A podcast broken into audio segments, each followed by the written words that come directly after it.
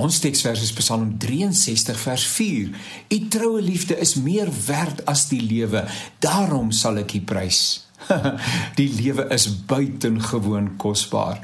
Om soggens wakker te word, nog 'n dag te belewe, veral saam met jou geliefdes is onuitspreeklik wonderlik.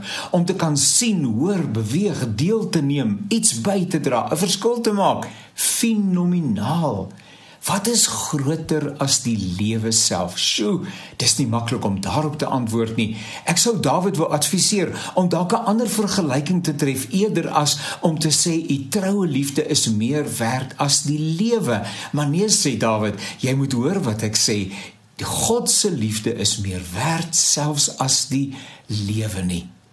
Ek sou wou sê Dawid, wat van u troue liefde is meer werd as geleerdheid, posisie, status en applous? Ja, sê Dawid, inderdaad. Of u troue liefde is meer werd as goud en silwer, as besit, roem en eer. Inderdaad so, sê Dawid.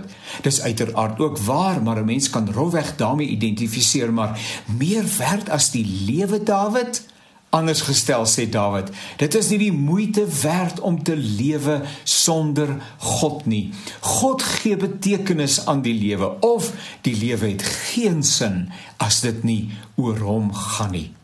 Kom ons kyk dan na die ander vertalings. Miskien help dit ons. Ons blaai na die boodskap vertaling en daar staan: Dis beter om die groot liefde te ervaar as om baie oud te word sonder U. Interessante vertaling, nê? Nee. Wat van die nuwe lewende vertaling? U troue liefde is beter as die lewe, amper dieselfde. Wat van die Bybel vir almal? Hy klink so: U doen wat U beloof en dit is beter as die lewe self. Nog 'n vertaling: Omdat u goedertierenheid beter is as die lewe, sal my lippe u loof. Lyk my, ons kom nie daarvan af weg nie. Dawid het dit reg. Die teenwoordigheid, die liefde, die omgee van God is inderdaad beter as die lewe. Dawid sê presies dit. God se liefde is groter, heerliker, meer verdienstelik, meer begeerlik, meer werd as die lewe self. Nou, dit laat ons met een vraag. Wat is die belangrikste in my lewe? Wat is die belangrikste in jou lewe? Is dit God, sy geregtigheid, sy eer, sy lof, sy roem?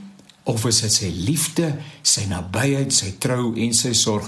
Hoe dit ook al sê, ons stem met mekaar saam en ook met Dawid.